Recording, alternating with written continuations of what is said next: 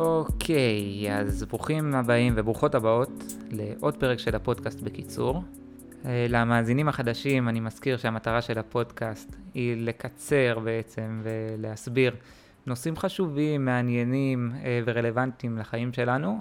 אז בפרק הקודם זה היה משפט נתניהו, והיום בפרק אנחנו מדברים על נושא קל יותר ואולי רלוונטי יותר לרוב האנשים, והוא על קפה.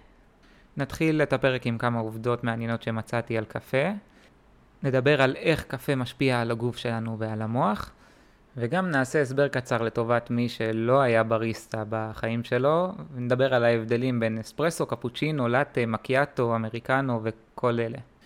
אז בהחלט יש למה לחכות, ובלי לבזבז יותר מדי זמן, אנחנו מתחילים.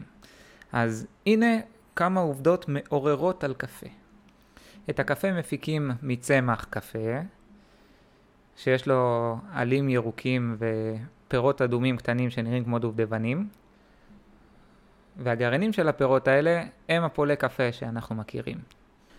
צמח הקפה וגם המשקה, המקור שלו הוא מאפריקה ומאתיופיה ככל הנראה, עד שבערך לפני 200 שנה הקפה מתחיל לצאת מתוך אפריקה למקומות אחרים בעולם, עד שהוא מגיע לדרום אמריקה ולברזיל בעיקר.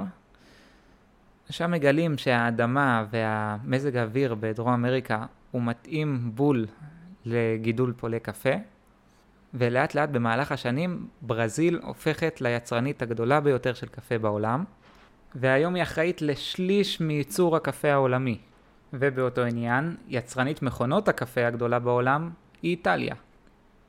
מחקרים מראים ש-80% מהישראלים שותים לפחות כוס קפה אחת ביום, וזה גם הופך את הקפה לסם הנצרך ביותר בעולם. כי אם תחשבו על זה, ותכף גם נדבר על זה, קפה הוא סם פסיכואקטיבי, הוא משפיע על המוח. וכמו כל סם, גם הקפה הוא ממכר, ומי שרוצה להרחיב בנושא הזה, אני נגעתי בזה בפרק על קנאביס, אז מוזמנים ללכת כמה פרקים אחורה ולהאזין. אז איך קפה בעצם משפיע על הגוף שלנו? כמו שכולכם בטח יודעים, החומר הפעיל בתוך הקפה נקרא הקפאין, וכששותים קפה, הקפאין משתחרר בגוף, ומעכב את זרימת מולקולות אדנוזין, שהוא החומר שמסמן לנו להוריד הילוך אה, ולהרגיע לקראת השינה. בו זמנית, הקפאין גם מעורר את מערכת העצבים ומגביר את קצב הלב. אז מצד אחד הוא מונע מאיתנו להרגיש תחושת עייפות, ומצד שני מעורר חלקים במוח שלנו וגורם להם לעבוד מהר יותר.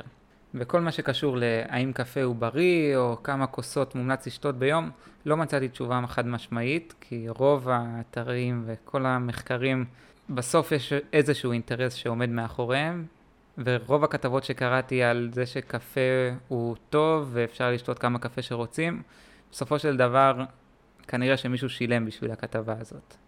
אז לדעתי הדרך הכי טובה לדעת אם קפה הוא בריא או לא, או כמה לשתות, הוא פשוט להסתכל סביבנו ולראות שגם אנשים ששותים שלוש או חמש כוסות ביום, לא קורה להם כלום, אבל גם מצד שני לדעת שאם לוקחים לאנשים האלה את הקפה, כנראה שהם ירדמו בום במקום. אז הסוד הוא מידתיות. אתם יכולים לשתות קפה אחד, שניים ביום, הכל בסדר, מילה של בן אדם שאין לו שום ידע ברפואה. ממשיכים. גם אתם שאלתם את עצמכם מה כל המשקאות האלה שכתובים ליד האספרסו והקפוצ'ינו אומרים? אז עכשיו אני אעשה הסבר זריז ופשוט לכל סוגי משקאות הקפה שאנחנו רואים בבתי הקפה. הבסיס והמשקה הכי חשוב אולי הוא כמובן האספרסו. מדובר ב-7 גרם של קפה טחון ודחוס לתוך אה, פייה כזאת. דרכו מזרימים 30 מיליליטר של מים לאספרסו קצר ו-45 מיליליטר מים לאספרסו ארוך ועם האספרסו בעצם מתחילים גם את שאר המשקאות. אספרסו כפול הוא כמו השם שלו, הוא פשוט כפול מאספרסו קצר 14 גרם של אה, קפה במקום 7 ו-30 מיליליטר מים במקום 30. אספרסו ארוך, כמו שאמרתי, זה אספרסו קצר עם עוד מים. קפוצ'ינו, או בשם הישראלי שלו קפה הפוך, מורכב משליש כוס קפה, שליש חלב חם ושליש קצף חלב. ניסיתי לברר למה הישראלים קוראים לקפוצ'ינו קפה הפוך, ולא מצאתי תשובה חד משמעית, אבל תשובה שכן חזרה כל פעם זה שבהולנדית אומרים, קוראים, סליחה, לקפוצ'ינו גם קפה הפוך בשפה שלהם, והתשובה השנייה היא שמכינים אותו הפוך. במקום שמכינים את הקפה ומוסיפים לו חלב, אז בקפה הפוך או קפוצ'ינו, החלב קודם נכנס לכוס ורק אחר כך לקפה. אז שכל אחד יבחר לו את התשובה הנכונה. קפה לאטה הוא די דומה לקפוצ'ינו, רק שכוס קפה לאטה מורכבת משני שליש כוס חלב ושליש אחד של קפה. זאת אומרת בלי קצף. מקיאטו זה אספרסו ארוך עם כף של חלב מוקצף. לאטה מקיאטו הוא ההפך ממקיאטו. זה כוס חלב חם עם כף של אספרסו בפנים. והאחרון הוא אמריקנו, שהוא אספרסו עם מים.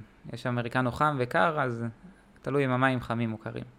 ולאמריקנו קוראים ככה, כי ככה האיטלקים חושבים שהאמריקאים שותים את הקפה שלהם. אה, טוב, אז זה בערך מה שהיה לי להגיד לכם על קפה. מזכיר לכם uh, לעקוב אחרינו באינסטגרם ולדרג אותנו איפה שצריך לדרג. ואני הלכתי להרתיח מים, אז להתראות בפרק הבא.